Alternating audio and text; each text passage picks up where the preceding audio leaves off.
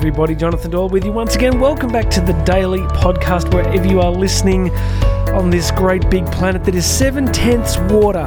Why is that relevant? Well, it isn't, but my kids and I were down the coast last weekend and I was explaining it to them. They didn't believe me. I said, It's true. Seven tenths of the planet's water. So, welcome aboard wherever you are living. I love being in the ocean, heading down there tomorrow. Really looking forward to it. It's just great to get that reconnection with nature. I hope you get some sense of that. Many of us are we're stuck in the suburbs, we're stuck in the cities, and there's positives to that, but uh, always make time, my friend, to reconnect with the beauty that is all around you.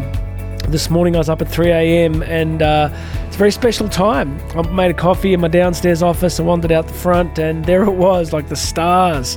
I know you all think I'm crazy, 3 a.m., but I just want to be, it's just a beautiful time of day. It's silent. If you've got young kids, you know that any time of day where you can get out there and there's no one going to be around, it is sacred. So there I was, had a beautiful uh, time there this morning. So I just want to encourage you all. That is not the purpose of this episode to talk about this particular issue, but nature and reconnection with the beauty that's all around us can be a very healing and powerful things. Uh, what am I going to say? Housekeeping, please make sure you've subscribed, share this with people. It's a great help to me. And go and check out all the links. You can book me for coaching, you can book me for speaking. There is free stuff there. You can get free copies of my book. It is all there. So go hit those links. Okay, I want to talk about breakthrough. I spoke to someone about this about a week ago, and I want to step you through today the concept of breakthrough and how we create breakthrough in our lives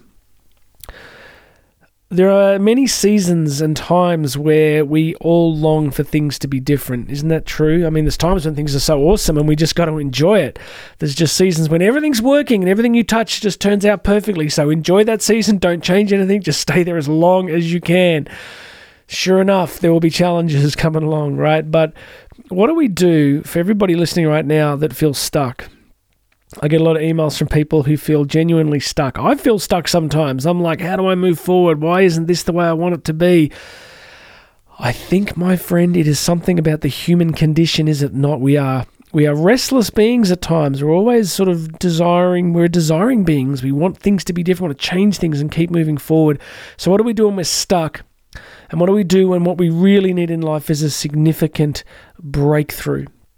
So I want to give you a couple of steps to this. Maybe there's an area in your life at the moment where you really want some breakthrough. You really want something in your life to be different.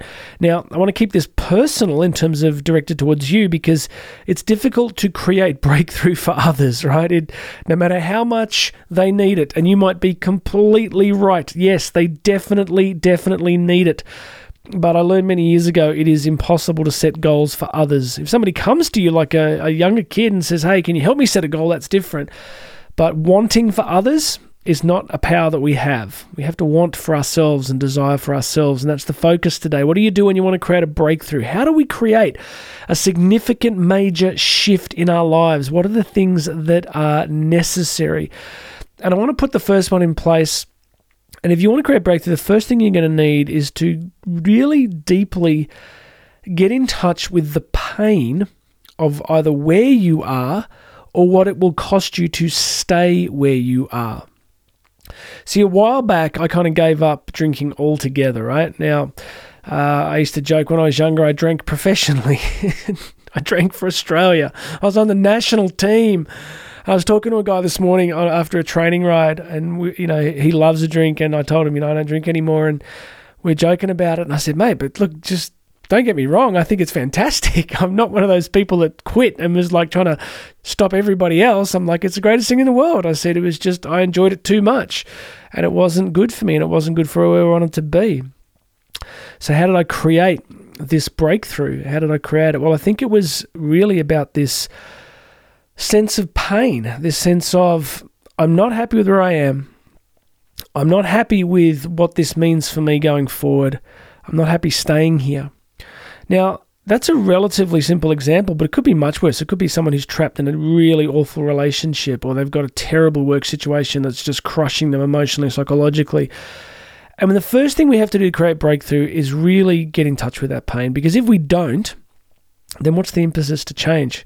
You know, I think I think Freud was right on this. I've said this many times. Freud argued that you know, there were two main motivators of human behavior the pursuit of pleasure and the avoidance of pain. I think Freud got a lot wrong, but I think we can agree that this was kind of in the ballpark.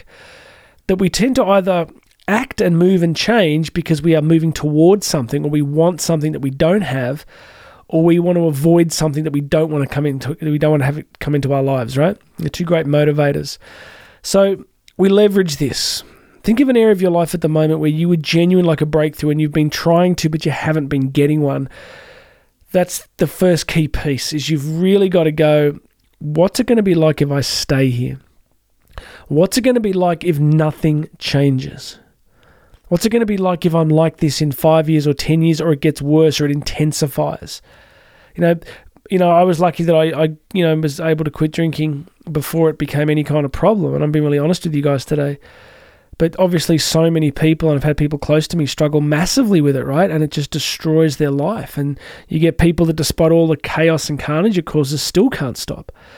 So, but when you see people that like go to AA and stuff and really get off it, you know, they, they hit rock bottom, right? I mean, usually for many people, it's the experience of rock bottom, of so much pain, of so much loss, that it is that's the catalyst that swings them into the new behavior. So breakthrough is about that recognition, but it's also about sort of this moment. I often, you know, I love this. I was saying to my daughter the other day, this is a really good insight too. We often think that a breakthrough in our lives takes an enormous amount of time, but I said to her, you know, how long does a breakthrough take when it happens? And she's like, I don't know. I said, well, when a breakthrough actually happens, like if someone quits smoking or someone takes up, you know, they've avoided exercise for 20 years and they suddenly start going to the gym, you know, how long does it take for that change to happen? And people go, oh, 20 years. I go, no, it's not right. I said, when the change happens, it happens instantly. Now, it may take 20 years to get to that change, but when change happens, it is a literal, it happens in seconds.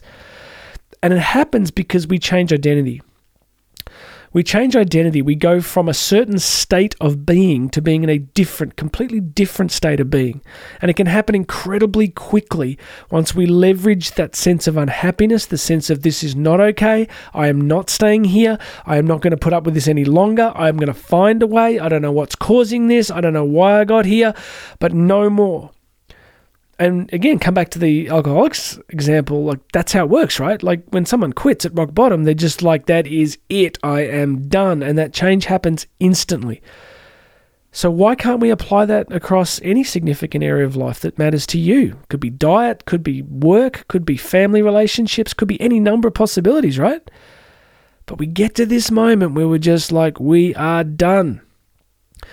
And a great question related to this is why is it that when some people make a real breakthrough, what stops them going back? And I was journaling about this. I'm like, what stops me going back? The number of friends I've had recently going, oh man, I can't wait till you start drinking again. Like, you know, we have barbecues and lunches and dinners and everyone's drinking. Like, oh, but when are you going to start again? I'm like, hey, you're not helping. Go to the bad friend corner. You're not helping. So the reason I'm not going back, and I was journaling about it, is because it's a shift in identity because I look at the person that I was and I want to be that person anymore. And it's like, you know, the awareness that if you decide to have that first drink again, and we again, like I'm talking about this particular topic, but you can apply it to any number of addictions or problems or areas that we want change in. You start again, you're back to that identity. So, can you see the? Can I bring all this together for you? What we're talking about here is we all want breakthrough. So, why don't most people get it? Because they don't get in touch with the pain of where they are and really think about it and write about it and internalize and come to, come to terms with it. They don't make that identity shift. And if they fall back, it's because they're going back to that identity. So, friends, if you want something significant to change in your life, those are the pieces. Those are the pieces. Very powerful stuff. The no more you know, look at look at what it can change. Right, think of say example example Rosa Parks, who's often considered to be the person that kicked off the, American civil rights uh, movement in the 1950s and 60s. Like, you know, she's famous for refusing to give up her seat on a bus, and she's just like, no more. I am done. Do you think she had an identity shift at that moment? Like, and, and, what was the breakthrough leverage point? It was pain, wasn't it? It was like, I am sick. I mean, I'm no, no Rosa Parks and I'm not her, but I'd imagine something like, you know what? I'm done. I've had enough. I'm not doing this anymore. I don't care what it costs me. I don't care how much trouble I get in. I am not giving up this seat. Why? Because giving up that seat was associated with, for her, to massive pain. If I give up this seat, my sense of who I am, my sense of you know where I fit in the world and what's important, it's just going to be painful for me. I'm not going to do it, no matter what it costs.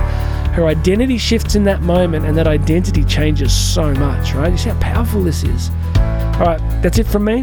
I hope that's useful. Let me know what you think. Uh, please make sure you've subscribed, share this with some people. Go check out all the links for the good stuff that's there. My name's Jonathan Doyle. I hope this is helpful for you. I want to see you grow. I want to see you create breakthrough. And I am going to have another message for you tomorrow.